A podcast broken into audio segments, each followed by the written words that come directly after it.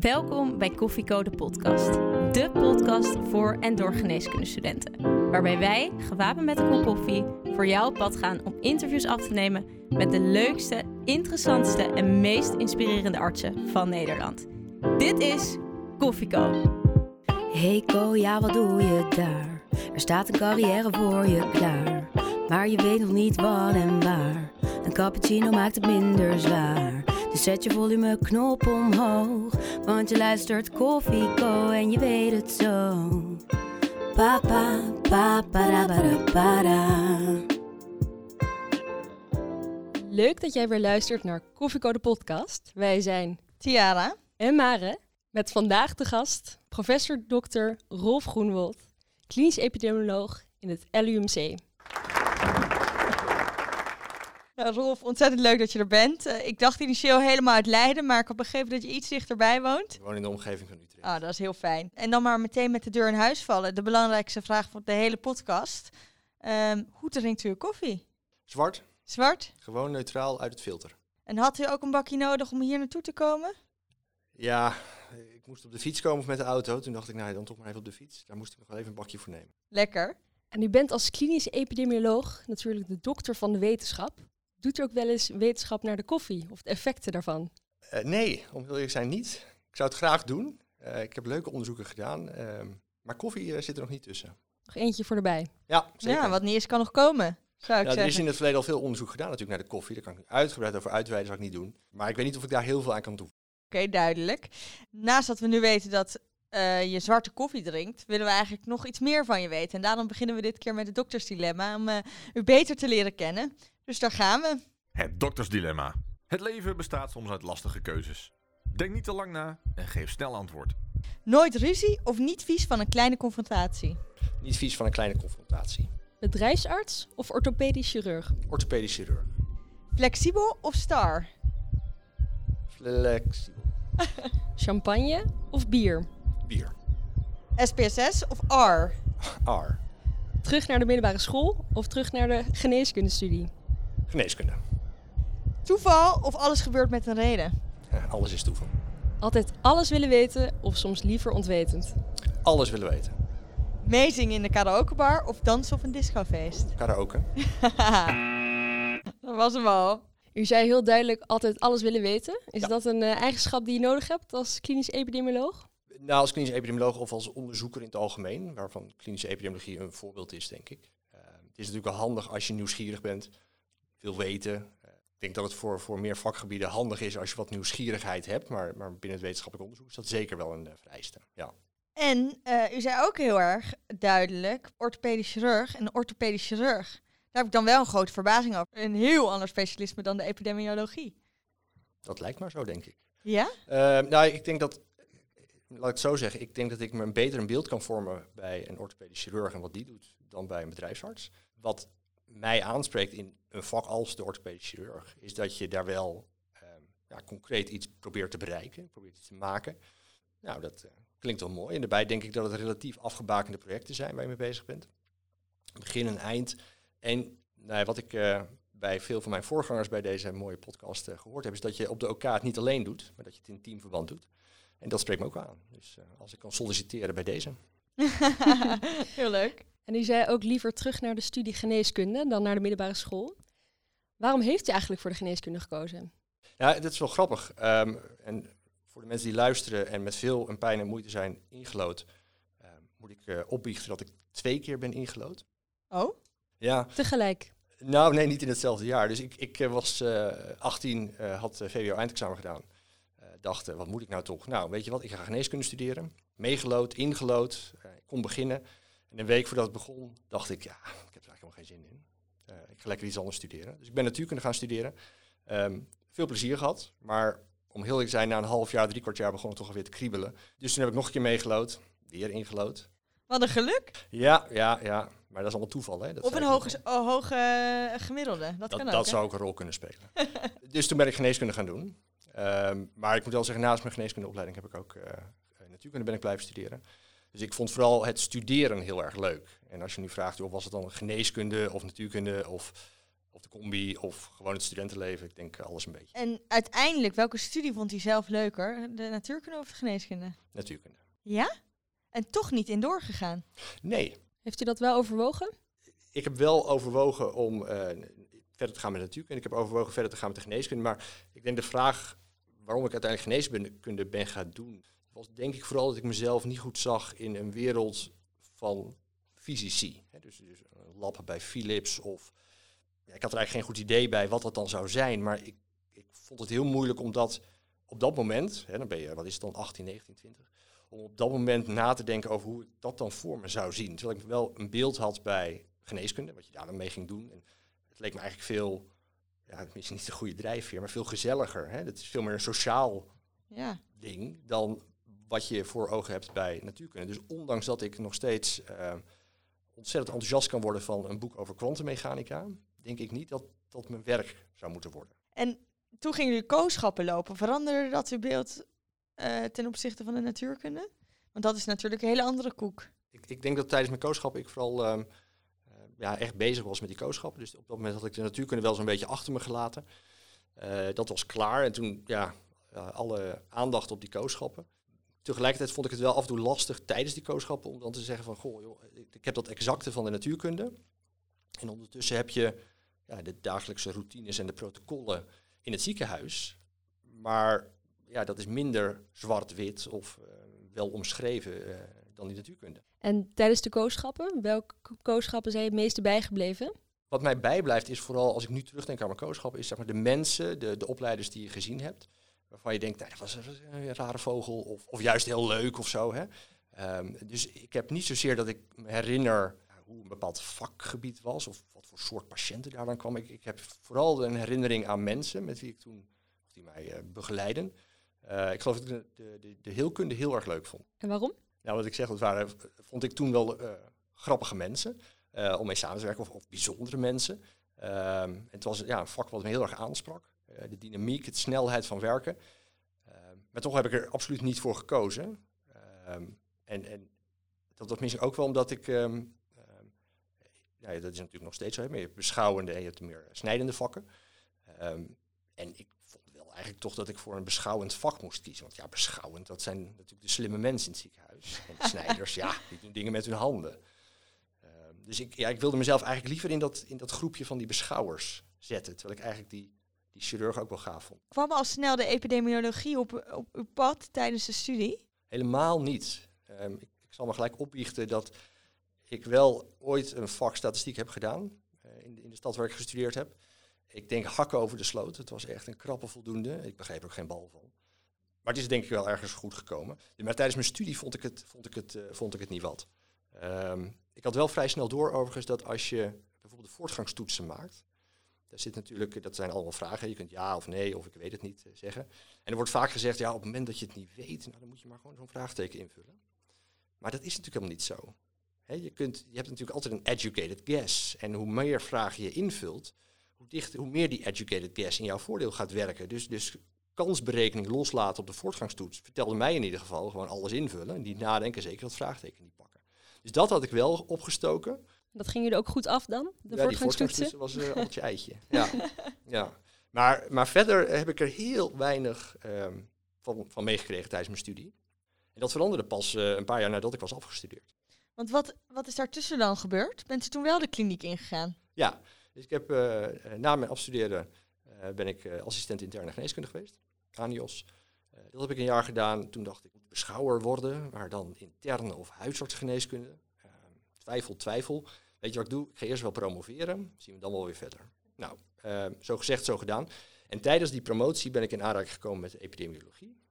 Uh, daarna, nou ja, de rest is geschiedenis. Ja, ik vind, ik vind het leuk om te horen, want ik denk heel veel mensen tegenwoordig tijdens hun studie komen wel al met heel veel wetenschap in aanraking. En bij mij had ik dan zoiets meteen van, nou, met, uh, met de juiste begeleiding kan het heel leuk zijn, maar het kan ook heel erg druk zijn naast je studie. Dus het kan ook meteen een gevoel geven van, nou, ik weet nou niet of dit het is. Maar uh, dat hoeft dus ook niet per se tijdens je studie dat je daarachter komt. Nee. Ik, tijdens mijn studie, ik ben uh, helemaal niet bezig geweest met wetenschappelijk onderzoek. Ja, natuurlijk heb ik een, een, een masterscriptie moeten schrijven en daar heb ik wat gedaan. Maar inderdaad, als ik nu af en toe uh, collega's van jullie zie die in een tweede of derde jaar al bezig zijn papers schrijven, subsidies aanvragen, dan denk ik, nou ja, als het echt je passie is, prima. Maar um, ik geloof dat er heel veel andere dingen ook heel leuk zijn om te doen. Um, kijk, ik heb wel altijd een, een, echt een enorme interesse gehad in kennis.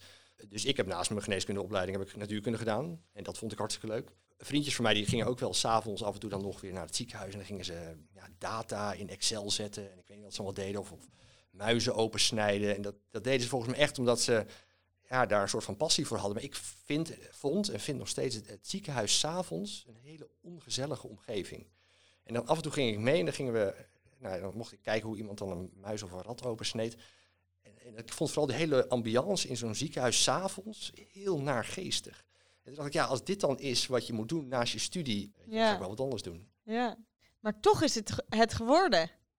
Wat was uiteindelijk door de doorslag? Voor mij, omdat ja. nou ja, wat ik zeg, ik, ik um, wist het niet zo goed en als een soort van uitstel van executie dacht ik, nou dan maar, dan maar promoveren, weet je, dat is nooit weggegooid en daarbij, ja. Dit was dus promoveren bij de interne geneeskunde? Nee, dit... promoveren bij de epidemiologie. Oh, dat was oh, bij de epidemiologie? Ja, ja dat, maar dat is... Dus we slaan een stukje over. Nou ja, dat valt, valt mee, want dat is toeval eigenlijk dat ik daar ben terechtgekomen. Een goede vriendin van mij die uh, deed promotieonderzoek. En die had een begeleider. En die begeleider die zocht nog iemand. En um, nou ja, ik heb maar eens gewoon gebeld en gezegd: Goh, uh, ik wil eigenlijk wel promoveren. Mag ik langskomen?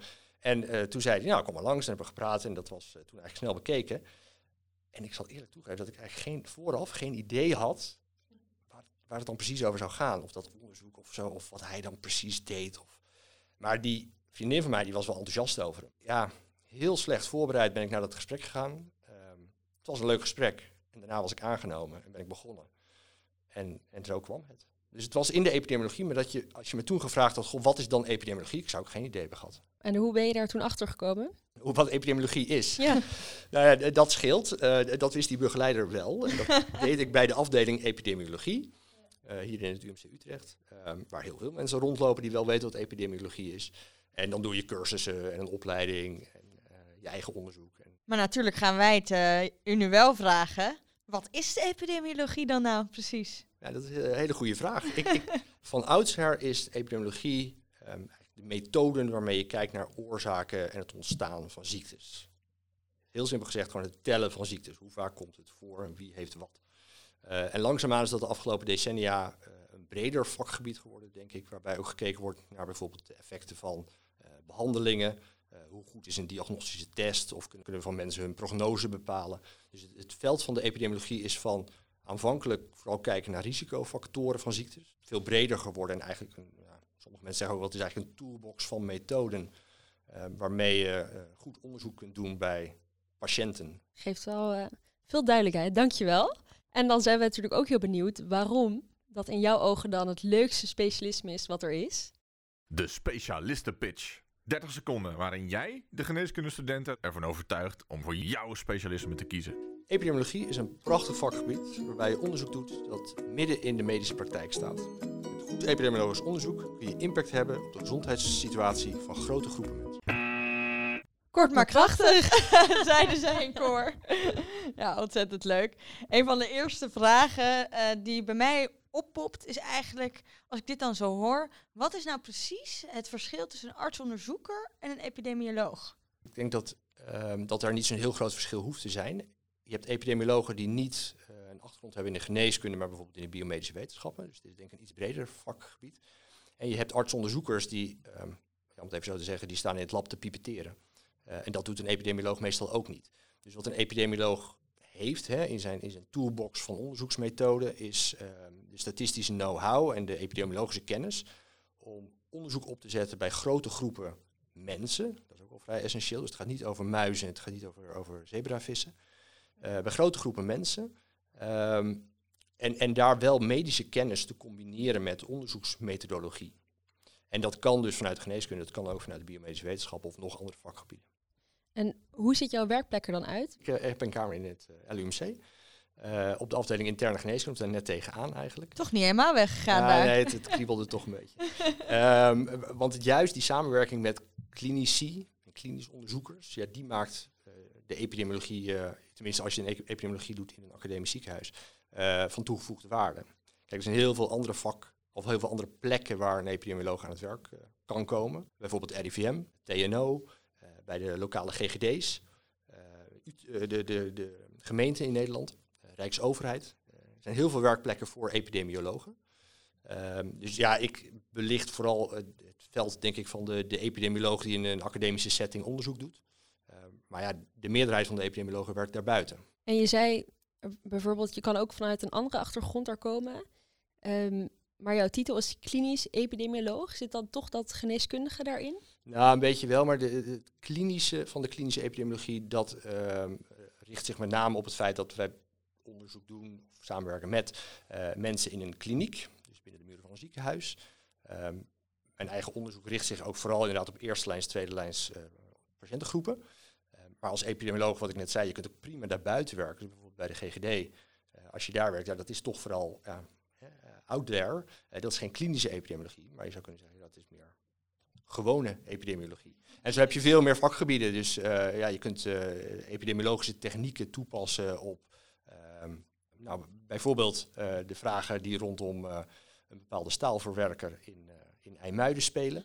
Daar heb je ook allerlei epidemiologische vragen. Dat zijn geen vragen die per se naar boven komen in een ziekenhuis of binnen een klinische setting. Maar het zijn wel de epidemiologen die er antwoorden kunnen geven. Ah, ja. Wat me dan in eerste instantie had ik er zo voor me een epidemioloog die zit de hele dag achter zijn computer en die kijkt naar cijfers, want cijfers daar gaat het wel om. Dat dat zei u ook net. Is dat dan ook het geval als je werkt in een ziekenhuis? Zit je dan ook alleen maar achter de computer? Eh, ja, dat wil zeggen, daar worden epidemiologen nog steeds ontzettend eh, opgewonden van. Dus eh, cijfers, dat is natuurlijk wel waar we het uiteindelijk allemaal voor doen. Het is een kwantitatieve onderzoeksdiscipline. Ehm, maar ik denk dat als je kijkt naar de, de werkdag van een epidemioloog, het is niet zo dat ik de hele dag alleen maar ehm, nou, naar SPSS of R zit te kijken. De, de epidemioloog, wat ik net zei, die- je hebt de statistische eh, bagage, maar ook heel veel gewoon epidemiologische methodologische kennis. Dus je, je hebt expertise over hoe je onderzoek moet opzetten, hoe je de resultaten van een onderzoek moet interpreteren. Ehm, en het gaat dus juist in die samenwerking met eh klinische onderzoekers vaak dat ze bij ons komen of wij naar hen toe gaan. Eh, en dat we samen nadenken over hoe zou je nou, als je deze onderzoeksvraag hebt, hoe zou je dat nou het best kunnen beantwoorden? Waar moet je dan je onderzoeksdeelnemers vinden? Ehm, hoe lang moet je ze vervolgen? Wat ga je dan bij ze meten en hoe ga je dat doen? Ehm, dus een heel groot deel van het werk bestaat ook uit ja, consultatie. Dat is niks anders dan praten. Want hoe gaat dat dan in zijn werk? Soms kloppen ze op de deur, soms ontmoet je ze bij de koffieautomaat. Eh, Heel vaak lo- loopt het via onderwijs, dus je geeft ergens een praatje of een cursus. En eh, ja, in de koffiepauze komt iemand naar je toe en die zegt, goh, ja, het is allemaal leuk wat je zegt, maar ik heb deze en deze onderzoeksvraag en die wil ik nou eens uitzoeken. En hoe zou ik dat dan moeten doen? Ehm, en de ene keer klikt dat en eh, heb je een ontzettend leuk gesprek en eh, volgt dan een heel onderzoekslijn uit. En de andere keer klikt dat veel minder en aan het einde van de koffie denk je, nou, eh, succes ermee. Maar dat was het dan. Ehm, maar, maar het begint dus heel vaak bij een, een, een, onderzoeker die, of, een, of een arts die in de praktijk tegen een probleem aanloopt en zegt, goh, nou bijvoorbeeld een, een, samenwerking die ehm, eh, mij erg dierbaar is, is een samenwerking met de traumatologie. Ehm, en zij kwamen gewoon een keer bij mij en zeiden, goh, kan, je een keer koffie, kan ik een keer koffie, koffie met je drinken? Ook toen. Ehm, want ik heb eigenlijk de vraag, moet ik nou dit of moet ik dat doen in de dagelijkse praktijk? En ik heb het idee dat als ik naar de literatuur kijk, dat we er niet goed uitkomen. Dus het wetenschappelijk onderzoek wat er ligt, overtuigt me niet genoeg. En hoe zou ik er zelf antwoord kunnen vinden op die vraag? Nou, toen zijn we koffie gaan drinken. En daar hebben we eindeloos over zitten bomen hoe we dat zouden kunnen onderzoeken. Ehm, en dat zijn we gaan doen. Eigenlijk best leuk om te horen, want eh, naast die samenwerking, dus nu bijvoorbeeld met traumatologie, eh, is een heel groot onderdeel van epidemioloog zijn dus veel praten. Dat zou je dus eigenlijk in eerste instantie misschien niet denken. Ehm, ja, ik weet niet waarom je dat niet zou denken, maar dat, dat is eh, wel het geval, denk ik. Ja, ik denk dat een heel belangrijk ehm, aspect, echt een, praktische vaardigheid die een epidemioloog moet hebben, eigenlijk niet anders is dan wat je krijgt aangeleerd bij de opleiding geneeskunde. Namelijk gewoon anamnese, gespreksvoering, ehm, ook een stukje coaching, uitleggen. Ehm, kijk, sommige onderzoekers vinden het heerlijk als we zeggen, geef maar hier die data, ik analyseer het wel voor je. Maar veel liever heb je natuurlijk dat, ja, dat je dat echt in, in, in eh, samenspraak doet. Ehm, dat je dus meer de coachende ehm, supervisor bent en dat de onderzoeker zelf de data gaat analyseren. En zijn jullie dan betrokken gedurende het gehele onderzoek? Of geven jullie ze een opzetje en Dat, Is dat het? Dat wisselt eh, natuurlijk. Eh, dat, eh, de ene keer ehm, ben je bij het begin betrokken. Dus mensen komen bij je en zeggen, god, dit is echt een idee wat ik heb, maar ik wil het gaan opzetten. En ik ben nu nog in de oriënterende fase, mag ik met je meedenken? Nou, dat is eigenlijk het ideaal beeld. Dat is het liefst wat we hebben. Ehm, tegelijkertijd, wat heel erg vaak gebeurt, is dat mensen bij je komen en zeggen, ik heb een onderzoek gedaan, ik heb deze data. Ja, maar het is niet significant. Kun jij me helpen? Dus eigenlijk, ik, ik moet een significante p-waarde hebben. En, en, en, en, of nog erger, ik heb mijn onderzoek gedaan. Ja, er komt niks uit, maar mijn supervisor zei dat ik maar even bij je langs moest. Wat gaat er dan in je om? Heb je dan frustratie of denk je, oh, dat is een goede uitdaging, dat ga ik aanpakken? Of wat voel je dan? Ik vind het ontzettend geestig. Ja, ik vind het heel Ja, maar ik, ik, ik denk, wat je, eh, als je kooschappen loopt of als je eh, patiëntenzorg doet, dan heb je natuurlijk ook al die patiënten die voorbij komen. En de ene, daar heb je een klik mee en de andere niet. En de ene, dan denk je, goh, een is dat. En de volgende daarvan denk je, oh, deze, hier word ik echt helemaal blij en enthousiast van. En, en bij de volgende denk je weer, nou, ik, ik wil eigenlijk gewoon een arm om je heen slaan, ik heb met je te doen. En hetzelfde geldt met die consult die ik doe. Dus de, de ene keer komt er iemand langs dat ik denk, ja, weet je, dit was gewoon gaaf en eh, cool. En bij de volgende, dan, dan zit ik me op te vreten. Maar tegelijkertijd, als je dan even op metaniveau daarnaar kijkt, dan denk je, dit is toch echt heel erg geestig, weet je. Er komt iemand langs, die heeft, die heeft twee jaar lang de bal uit zijn broek gewerkt en die heeft nu een p-waarde die niet significant is. Dan komt hij bij mij om te hopen dat het goed komt. Ja, ik, ik, vind, de- ik kan de humor er wel van inzien. Maar eigenlijk pitchen zij dus hun onderzoek. Hebben jullie dan de vrijheid om te kiezen wat jullie doen, wat jullie accepteren en wat jullie weigeren? Word je nou, een soort van ingehuurd? Nee. Dat niet. Nee, dus ehm, kijk, we, we doen ons eigen onderzoek. Daarvoor halen we subsidies binnen. Eh, daarvoor worden we gewoon deels vanuit het ziekenhuis eh, betaald. Dus we hebben onze eigen onderzoekslijnen. Eh, en daarnaast doen we dit consultatieve werk, ehm, wat ik persoonlijk heel erg leuk vind. Ehm, en als iemand langskomt en die zegt, goh, mag ik eens een keer een half uurtje met je praten? Ja, weet je, natuurlijk schrijven we daar geen factuurtje voor. Op het moment dat iemand zegt, ik wil eigenlijk een structurele samenwerking met je aangaan. Ik heb een projectvoorstel geschreven en ik wil eigenlijk dat jij daarvoor één dag in de week opstaat. Ja, de schoorsteen moet wel roken, dus dan, dan moet er wel wat geld onze kant op komen. Ja, ja. En wat is dan de verhouding tussen eigen onderzoek en consult? Ehm, voor mij is dat, denk ik, eh, als ik het een beetje chargeer, dan zeg ik nou één dag in de week consultatie, eh, één dag in de week eh, onderwijs.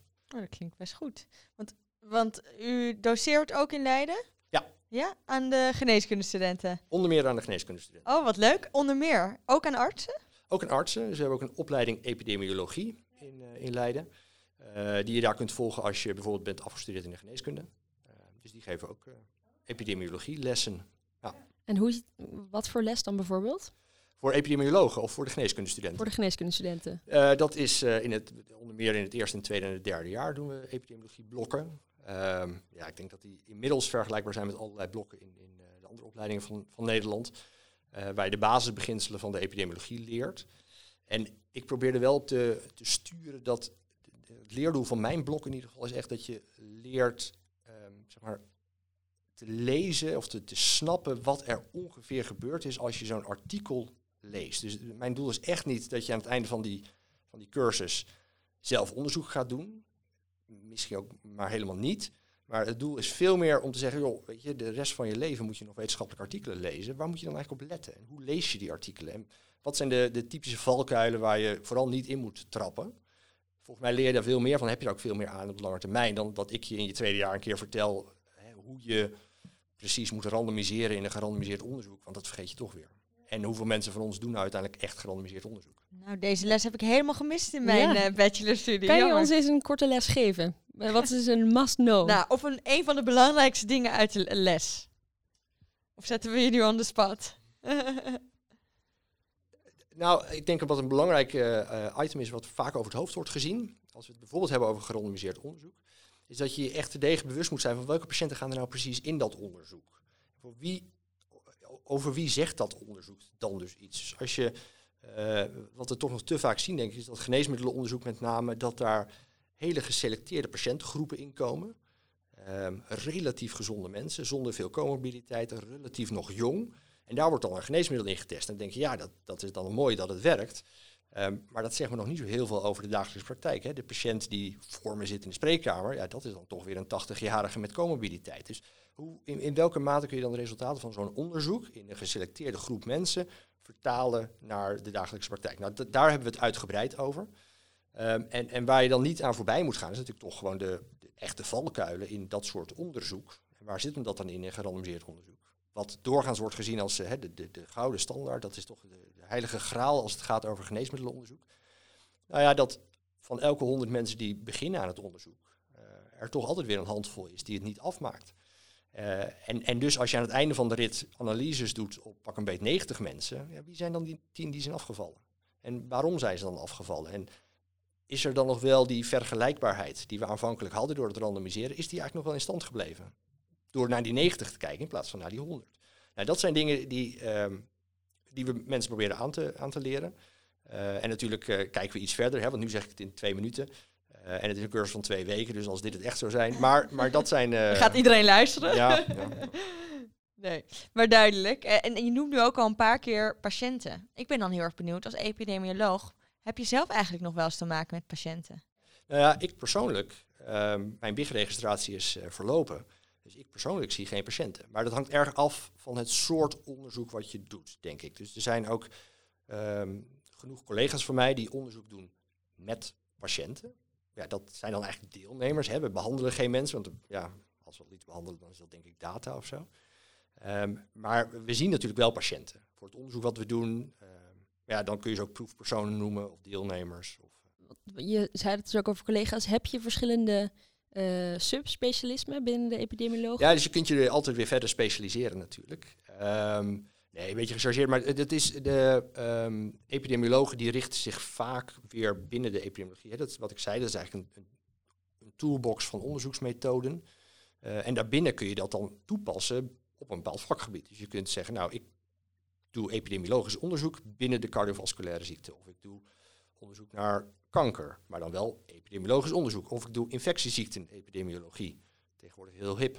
Of ehm, over mijn eigen vakgebied, ik doe juist onderzoek naar de methoden voor epidemiologisch onderzoek.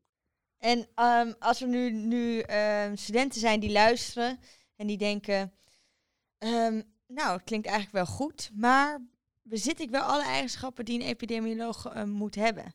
Welke eigenschappen zou dat, zouden dat dan zijn voor jou? Wat denk ik helpt is als je een beetje nieuwsgierig bent. Eh, dus niet eh, te, te- makkelijk denkt, nou ik heb nu wel het antwoord, eh, heb verder. Ehm, een beetje gevoel voor getallen, dat is wel handig. Eh, dus een beetje kwantitatieve basis. Ehm, maar heel veel dingen zijn aan te leren. Ik denk dat echt het allerbelangrijkste is een soort kritisch vermogen. Dus eh, ja, dat wordt nu wel gezegd, maar wat vind ik er nou van? Ehm, die methode gebruiken we inderdaad al 30 jaar. Maar waarom eigenlijk? Of ja, iedereen zegt dat ik het zo moet doen. Maar waarom dan eigenlijk? En, en zou het ook sneller kunnen of slimmer? Eh, dus ik denk dat de, de- een goede epidemioloog, of een, een eigenschap die een goede epidemioloog moet bezitten, is, is toch wel zelfkritisch vermogen. Ehm, en toch ook af en toe een beetje creatief kunnen denken. Oké, duidelijk. U noemde het net heel even tussen neus en lippen door. En ik kan hem niet aan me voorbij laten gaan, want u zei, ja, mijn BIG-registratie is natuurlijk verlopen. Dat lijkt me wel een gevoelig puntje. Eh, eh, nee, dat valt mee. Want toen je geneeskunde ging studeren, zag je jezelf toen wel voor je met een witte jas? En hoe was het toen dat moment kwam dat je dacht, ik doe die witte jas weg? Ja, dat is wel een goede vraag. Want wat je eh, tijdens de opleiding geneeskunde, tenminste wat ik in de tijd en, en vrienden om me heen ook heel erg ervaarde, was dat je eh, vanaf dag één, je bent ingelood en je bent, ja, je bent toegetreden tot eh, nou, de, de elite. Hè? Ja, want het is toch een soort uitverkoren volk wat je dan bent. En, en naarmate je verder en verder in die opleiding komt, is het toch, ja, dit, specialist, je wordt specialist, je wordt specialist. En zeggen dat je geen specialist wordt, ben je nou, dat kan al bijna niet. En zeggen dat je misschien niet eens patiëntenzorg gaat doen, dat kan natuurlijk eigenlijk al helemaal niet. En, en dan dus ergens in dat hele traject zeggen, nou weet je wat, mijn BIG-registratie gaat gewoon verlopen, dat is natuurlijk echt verschrikkelijk. Dus ik herken jullie vraag volledig. Ehm, en ik denk, waarom ik er echt geen dag van heb wakker of geen nacht van heb wakker gelegen, is dat er iets anders voor in de plaats is gekomen. Ehm, dus ja, ontleen ik ontzettend veel eigenwaarde, of ontleende ik ontzettend veel eigenwaarde aan een, aan een BIG-registratie? Nee. Ehm, ik heb ook geen zwemdiploma, die, die mis ik ook niet. Ehm, maar ik denk, ja, weet je, ik, ik had, heb een fantastische baan. Ik zeg had, omdat op het moment dat mijn BIG-registratie verliep, had ik die baan ook. Ik heb een fantastisch leuke baan. Dus ik eh, heb toen geen moment wakker gelegen dat ik dacht, oh, mijn BIG-registratie verloopt. Wie ben ik nou nog? Geen existentialistische crisis. Nee. Maar mist u af en toe wel dat gevoel en dat patiëntcontact? Uh, ja, als ik heel eerlijk ben wel. Uh, en dan denk ik, het zou ook wel eens leuk zijn om gewo gewoon, um, ja, ik denk iets kortcyclischer af en toe voldoening te krijgen of, of iets te bereiken, of niet. Hè, maar um, de projecten waar ik op werk, dat zijn vaak langlopende projecten. Dus je bent ja, weken tot maanden, soms wel jaren bezig met een bepaald project. Wat heel erg leuk en, en veel voldoening kan geven. Um, maar af en toe denk ik ook wel, dan hoor ik mensen bijvoorbeeld jullie, jullie podcast voorbij komen. denken, oh, dat zou ook wel leuk zijn. Gewoon, gewoon een middag poli. Ja, dat lijkt me dan wel. dan je begint ergens mee en je sluit het af Ja. diezelfde middag nog. Ja, ja. Ja, en wat zijn dan dingen, kan je een concreet voorbeeld noemen waar jij voldoening uit haalt? Nou, waar ik voldoening uit haalde zijn eigenlijk twee dingen. Wat ik echt heel erg leuk vind is um, mensen begeleiden op hun eigen onderzoek. Um, en, en dat je dan geleidelijk aan ziet dat ze groeien of dat op een gegeven moment dat het kwartje valt of dat ze plotseling iets kunnen. Bijvoorbeeld, um, nou, wat veel promovendi uh, lastig vinden is artikelen schrijven. En het is ook lastig als je het voor het eerst doet en het tweede is ook nog lastig en het derde ook nog. Maar dan als ze het vierde of het vijfde stuk schrijven en dat mailen ze dan naar je en je opent het en plotseling denk je, ah, weet je, het staat gewoon allemaal op de goede plek en we, ja, het klopt al heel erg aardig. Uh, dat is een klein Eureka-momentje, dus dat, dat vind ik echt heel erg leuk. Um, en wat ik eigenlijk vooral het allerleukste vind aan mijn werk is de samenwerking met collega's, bepaalde collega's. Er zitten gewoon ontzettend leuke collega's tussen en, en ja, daar krijg ik heel veel plezier van. Um, dus het, het zijn eigenlijk de samenwerkingen op een bepaald moment of op een bepaalde locatie. Of dat je zegt, ja, dat was gewoon gaaf om te doen. Heel leuk. Voordat we het gaan hebben over hoe kom je dan in opleiding, hoe word je dan epidemioloog, hoe werk je dan met zoveel mensen samen, vraag ik me nog één ding heel erg af. Want um, wij vragen meestal aan de meeste gasten die hier zijn, zeggen van, wat is nou echt een moment in je carrière die echt is bijgebleven? Een bepaald moment. Meestal komt er dan een patiëntverhaal. Maar ik vraag me dan heel erg af, was dat bij u dan bijvoorbeeld een bepaalde ontdekking of een bepaalde p-waarde die dan is blijven kleven? Nee. Nee? Nee, nou, kijk, nou hoop ik natuurlijk dat ik zou kunnen zeggen, ja, ik heb toen dit en dit gen ontdekt. Of ik heb toen die en die bacterie gevonden. Um, maar zo, uh, zo is het niet. Um, maar als ik, dat klinkt misschien een beetje herhaling van zetten, maar als ik terugdenk aan wat zijn echt momenten van de afgelopen, ik doe dit nu 15 jaar. Wat zijn momenten van die afgelopen 15 jaar die me echt zijn bijgebleven? Um, dan, dan zijn dat, denk ik, um, ja, wat ik zeg, met bepaalde collega's op een bepaalde locatie, dat je daar dan iets deed. En dat kan echt, nou ja, geneuzel in de marge zijn, maar het was wel leuk, weet je. Dus ik heb bijvoorbeeld een goede vriend van mij, die, die ging promoveren en die zei, uh, ja, ik wil eigenlijk ook nog iets doen waarbij we dan gaan kijken naar de relatie tussen uh, als je dan in een vliegtuig zit. Hè, in, je, komt dan, je zit dan in dat vliegtuig en dan, dan gaat die druk die gaat weg. Hè, of als je hoog in de lucht zit, dan is die luchtdruk altijd wat minder. Dus die luchtdruk die duwt dan minder op je buik. Zou het dan kunnen dat mensen die in een vliegtuig zitten vaker een uh, ruptuur krijgen van een abdominale aorta-aneurysma? Nou. nou, dat vond ik een fantastisch idee. Uh, voor de mensen die luisteren, het is niet zo. Maar ik vond het een fantastisch leuk idee. Dus wij, wij, hij woonde in die tijd uh, in, in, Deventer. Uh, een prachtig huis, uit, keek uit over de IJssel. En wij zaten daar met z'n tweeën voor het raam, uitkijkend over de IJssel, te filosoferen over hoe je dan een onderzoek zou moeten opzetten om die vraag te beantwoorden. Dus als je nou met het vliegtuig gaat vliegen, heb je dan inderdaad een verhoogd risico op een ruptuur van je abdominale aorta-aneurysma? Leuke vraag. Ja. Erg creatief vraag. moet je dus ook zijn. Ja, ja. Nou, en je moet de goede mensen tegenkomen die dat soort vragen dus stellen. Dus, dus hij vanuit zijn expertise stelde die vraag. Uh, ik vanuit mijn expertise zei, nou, dat kunnen we wel onderzoeken. En uh, we kunnen daar wel een epidemiologisch onderzoek voor maken. Uh, en dat zou er dan zo uitzien. En, en dat zijn we ook gaan doen. Het is zelfs gepubliceerd. het is niet het meest oh, ja? baanbrekende onderzoek geweest ooit, maar het is wel een leuk stukje. dus, dus, dus dat is me echt bijgebleven. Op die zolderkamer uitkijkt over de IJssel. Um, en ik heb, om heel te zijn, ik heb, ik heb uh, op, op verschillende plekken in de wereld uh, onderzoek gedaan. Um, maar het is juist dat soort beetje kleine, wat me dan toch heel erg uh, aanspreekt. En um, Je zei het al, de infectieziekten zijn eh, enorm populair geworden, of eh, veel bespreekbaar in ieder geval. Ja. Is ehm, sinds de coronacrisis is dit, eh, heeft het veel interesse gewekt bij de epidemiologen? Ja, je ziet dat er een interesse is eh, vanuit de, zeg maar, het algemene publiek in epidemiologen. Je ziet dat er zeker vanuit de media interesse is voor epidemiologen. Ehm, ik denk ook dat er onder epidemiologen absoluut een gevoel heerst van... hé, hey, weet je, hier hebben we het voor gedaan. Nu moeten we even aan de bak, jongens. Ja, dit is, ehm, ja, dit is een bijzondere situatie uiteraard. Maar vanuit epidemiologisch perspectief buitengewoon interessant. En merk je dan bijvoorbeeld ook dat eh, de mensen die, vrienden, familie, die nooit echt begrepen wat je nou precies deed, nu meer eh, anders naar je kijken? Nou, de vraag, ja, deels ja, deels nee. Want eh, ik denk dat ze nog steeds af en toe een verkeerd beeld hebben. Dus inderdaad, bij feesten en partijen, als die dan doorgaan, hè, maar bij feesten en partijen komen ze nu vaker naar je toe en zeggen: Jij bent toch epidemioloog? En zeg ik ja. Oh, dus jij weet alles van corona? nee, Nee. dat is toch niet helemaal het geval. Ehm, dus hè, waar mijn eigen onderzoek zich met name op richt, is, eh, is onderzoeksmethode.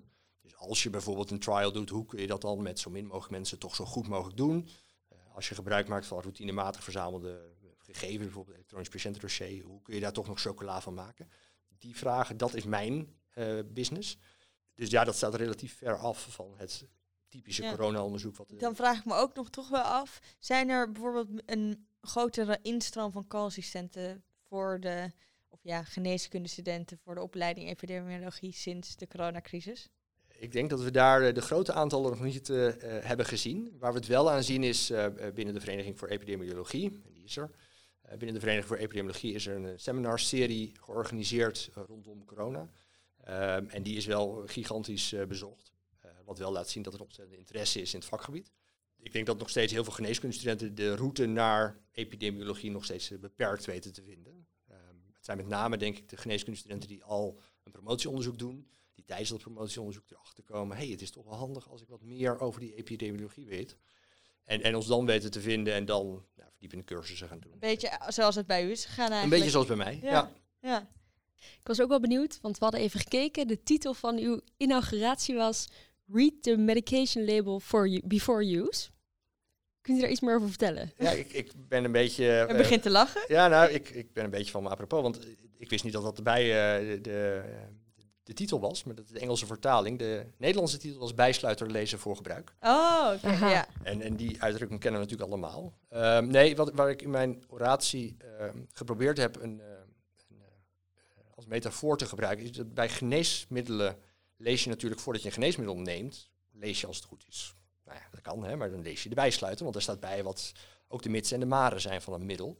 Ehm, en eigenlijk vind ik dat we hetzelfde zouden moeten doen als we onderzoek doen. Dus dat we voordat we onderzoek gaan doen, dat we niet die data die dan ergens ligt bijvoorbeeld, dat we die data pakken en hoppakee in de computer drukken en analyseren maar. Maar dat we ons eerst eh, bewust zijn van de bijwerkingen die zo'n dataset ook mogelijkerwijs heeft. Dus dat we eigenlijk de bijsluiter bij dat databestand of wat dan ook lezen. Voordat we beginnen met data-analyses, resultaten de wereld in spuwen en, eh, en iedereen er maar mee aan de haal gaat. Ontzettend leuk. Ik vind het ook een ontzettend leuke titel, moet ik zeggen. Hij is pakkend. Ja. En je begrijpt het meteen. En ik denk heel veel artsen ook juist meteen. Ja, Ik hoop het. ja. Ja. ontzettend leuk. U noemde net heel kort, ik ben op veel plekken in de wereld geweest. En nu ben ik benieuwd, is dat dan een voordeel van het epidemioloog zijn, dat je veel congressen in het buitenland hebt? Ik, nou, ik denk dat je als onderzoeker, ehm, en dan heb ik het dus even over de academische onderzoeker, eh, relatief vaak in het buitenland kunt komen. Ehm, of je dat leuk vindt, eh, dat is weer een tweede. Maar als je dat eh, leuk vindt en wat van de wereld wilt zien, ja, dan is onderzoek wel een manier om daar te komen. Ehm, en dat kan zijn doordat je dan wordt gevraagd om ergens een praatje te houden, of dat je een wetenschappelijk congres bezoekt, of dat je ergens onderwijs gaat geven. Dat je ergens misschien een tijdje gaat werken, hoe je het we- went of keert, maar het is toch voor, ehm, als je, laten we zeggen, gemiddeld, eh, als je arts bent in Nederland, is het niet zo makkelijk om nu je koffer op te pakken en morgen in Amerika als arts aan het werk te gaan. Maar binnen de wetenschap is dat een stuk makkelijker. Dus als je maar, Meer vrijheid. je hebt veel meer vrijheid om nou ja, je koffers te pakken en ergens anders in de wereld eh, eh, weer verder te gaan. Zolang je maar een beetje Engels spreekt, komt dat wel goed. Dus, dus ja, je kunt zelf ergens gaan werken, maar het is ook denk ik zo dat heel veel mensen contact met je zoeken en dat je dus heel veel internationale contacten hebt. Dus ja, de afgelopen anderhalf jaar met corona zijn we natuurlijk niet of nauwelijks in het buitenland geweest. Dus nu zijn er relatief weinig buitenlandse bezoeken. Maar desalniettemin heb je nog steeds heel veel internationale contacten. En dat kan natuurlijk via, via Zoom of Teams of Skype of wat, wat je maar gebruikt. eh, heel makkelijk. En ehm, ja, ik denk de helft van de mensen met wie ik samenwerk, die wonen en werken niet in Nederland. Maar dat zijn internationale contacten. En dat, dat maakt het ook heel erg leuk. En hoe kom je dan met die andere landen in contact? Zijn daar speciale organisaties voor? Of jij vindt iets leuk, jij wilt iets onderzoeken. Hoe weet je dat er bijvoorbeeld in de andere kant van de wereld dat ze daar ook mee bezig zijn? Nou, de, de basis wordt wel vaak gelegd toch nog steeds in het fysieke contact. Dus je komt iemand tegen op een congres bijvoorbeeld. Dan hoor je een verhaal en denk je, hey, dat is leuk. En dan ga je na zijn praatje ga je naar hem toe en zeg je, nou, wat een leuk verhaal heb je gehouden. En eh, hoe, zit je, hoe denk je dan hierover? Hoe denk je daarover? Zullen we samen eens eh, koffie drinken? Toch die Eh, koffie, ja. Ja, wel ja, weer, die koffie. ja. Ehm, en op die manier breid je die contacten uit. Ehm, of je denkt, je leest een aantal artikelen en denk je, hé, er staat steeds dezelfde, dezelfde meneer boven op mijn vrouw. Nou, eigenlijk vind ik dat wel hartstikke interessant wat die aan het doen zijn. En ik heb nog eh, een half jaar onderzoekstijd over. Nou, weet je wat, ik stuur gewoon eh, een mailtje met de vraag, mag ik bij je langskomen? Mag ik bij je komen werken? Eh, en eigenlijk is altijd het antwoord ja. Want ja, wie wil dat nou niet? Iemand die gewoon voor de lol langskomt. Ehm, dus op die manier ben ik bijvoorbeeld zelf eh, een aantal maanden naar Bristol geweest, in het Verenigd Koninkrijk. Ehm, en is er ook iemand bijvoorbeeld eh, recent nog uit Denemarken bij mij gekomen voor een half jaar? Leuk, ja. Die vrijheid. En u zei net ook meneer en mevrouw. En voor- U zei mevrouw dus naar achteraan. Zijn er meer mannen over het algemeen? Er zijn meer vrouwen, denk ik, binnen Oh, de meer vrouwen. epidemiologie. Oh ja? Jazeker, ja. Zoals in de hele geneeskunde eigenlijk. Ja. ja. We zijn natuurlijk heel erg benieuwd. Hoe kom je dan in opleiding? We zouden het er nog over hebben. Hoe gaat dat in zijn werk en hoe ziet de opleiding eruit? Ehm, binnen Nederland zijn er een aantal plekken waar je eh, de opleiding tot epidemioloog kunt volgen. Eh, dat is een beetje gekoppeld aan de academisch ziekenhuis in Nederland.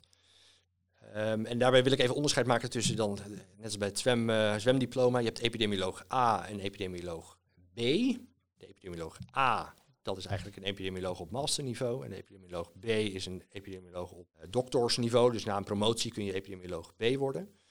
En waar het eigenlijk op neerkomt is dat je laat zien dat je epidemiologisch onderzoek gedaan hebt. Ehm, dus voor een epidemioloog A is dat in feite een, een master scriptie schrijven. En voor een epidemioloog B betekent dat dat je een aantal epidemiologische artikelen moet hebben gepubliceerd.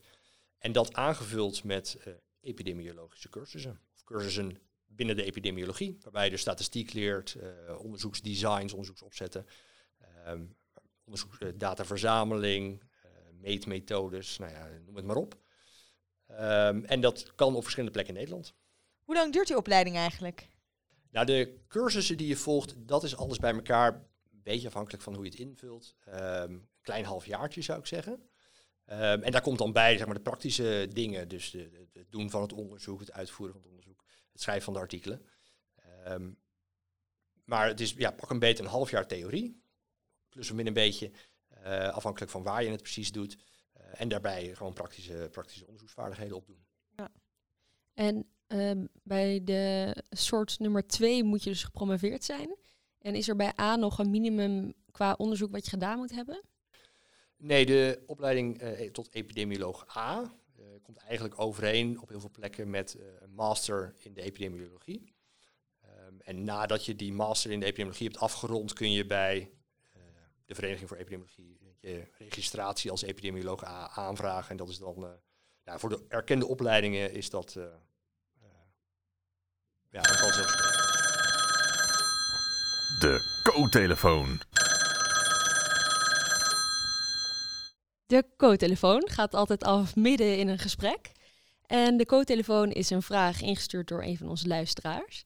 En de vraag die we nu hadden was van Titus. En zijn vraag was: Wat vindt u ervan dat veel artsen zich begeven op jullie kennisterrein?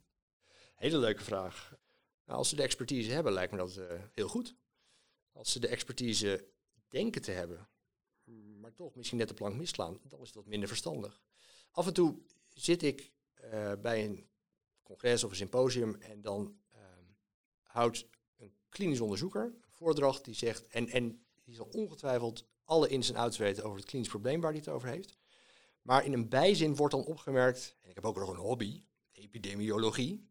En dan denk ik altijd, ja, ik heb ook een hobby, opereren. ik ga ook niet opereren op zondagmiddag, dus misschien moeten we daar gewoon niet doen. De schoenmaker blijft bij je leest. En eh, dat, dat slaat wel een beetje terug, denk ik, op ehm, de, titel van mijn oratie, hè, die bijsluiter lezen voor gebruik.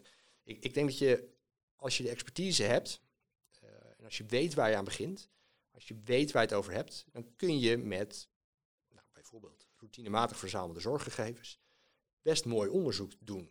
Als je weet wat de beperkingen zijn van dat soort data, als je daar de goede statistische methode tegenaan kunt leggen en ook weer de beperkingen kent van diezelfde statistische methode.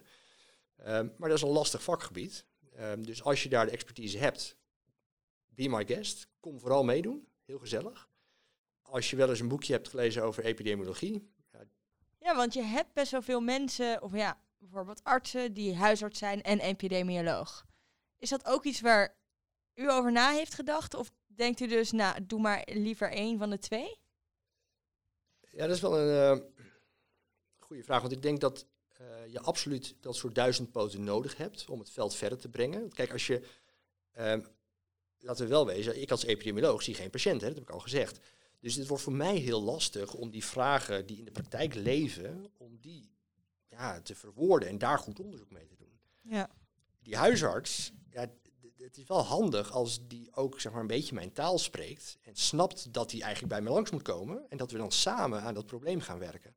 En juist op het moment dat, dat je toch wat nou ja, divergerende onderzoeksvelden hebt, dus enerzijds heb je de huisarts die in de dag en tijd hartstikke druk is in die huisartspraktijk, en je hebt de epidemioloog die nou, langzaamaan misschien een halve data scientist aan het worden is, ja, dan heb je zeker bruggenbouwers nodig die daartussenin, die nog de taal van beide blijven spreken. En zegt, goh, ik begrijp precies wat je bedoelt. En aan een half woord hebben ze genoeg om te snappen wat die huisarts bedoelt en hoe de epidemioloog het wil. Ja, oké. duidelijk.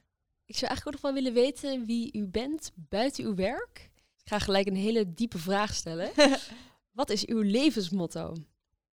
Nou, mijn levensmotto, of een, een, een motto wat mij erg aanspreekt is uh, het, het alloude motto: uh, wat gij niet wilt dat u geschiet, doet dat ook een ander niet. Maar daar heb ik recent over gelezen dat het eigenlijk een hele negatieve, uh, negatieve ja, connotatie heeft. Omdat het dus gaat over wat je niet moet doen. Hè? Oh ja. en, en dat je dus eigenlijk het zou moeten verwoorden als hoe je zelf behandeld wil worden, zo moet je ook andere mensen behandelen. En dat vind ik eigenlijk wel een mooi motto. Ja, dat vind ik ook een heel mooi motto. Mooi, ja we weten heel veel over uw passie voor, de, voor, voor onderzoek. Daar hebben we net alles over gehoord. Maar ik ben ook benieuwd of u nog andere passies hebt buiten het werk. Nee. Geen hobby? Of bent u constant bezig met data? Nee, want ik, ik mag, nog steeds vind ik het erg, ben ik erg nieuwsgierig en ik mag erg graag studeren. Dus in mijn vrije tijd uh, lees ik nog wel eens een studieboek. Ja, echt? Ja. En is dat ook soms nog van natuurkunde of opeens ook een, uh, nou laat me zeggen, Spaans? Nee, dat zijn nog steeds kwantitatieve methodes. Dus ik ja. een wiskundeboek of dat soort. Oké. Het zit er dus echt in. Heeft u nog een aanrader voor een, een boek wat behapbaar is voor leken in, in, dat, uh, in dat veld? Nee, ik denk als je een goed boek wil lezen um, en nog eens tijd over hebt, laat, laat alle serieuze werken achter je en koop maar één boek. Als er één boek is waar je dan die laatste zuurverdiende euro zou moeten spenderen, dan is het wel het bureau van Voskuil.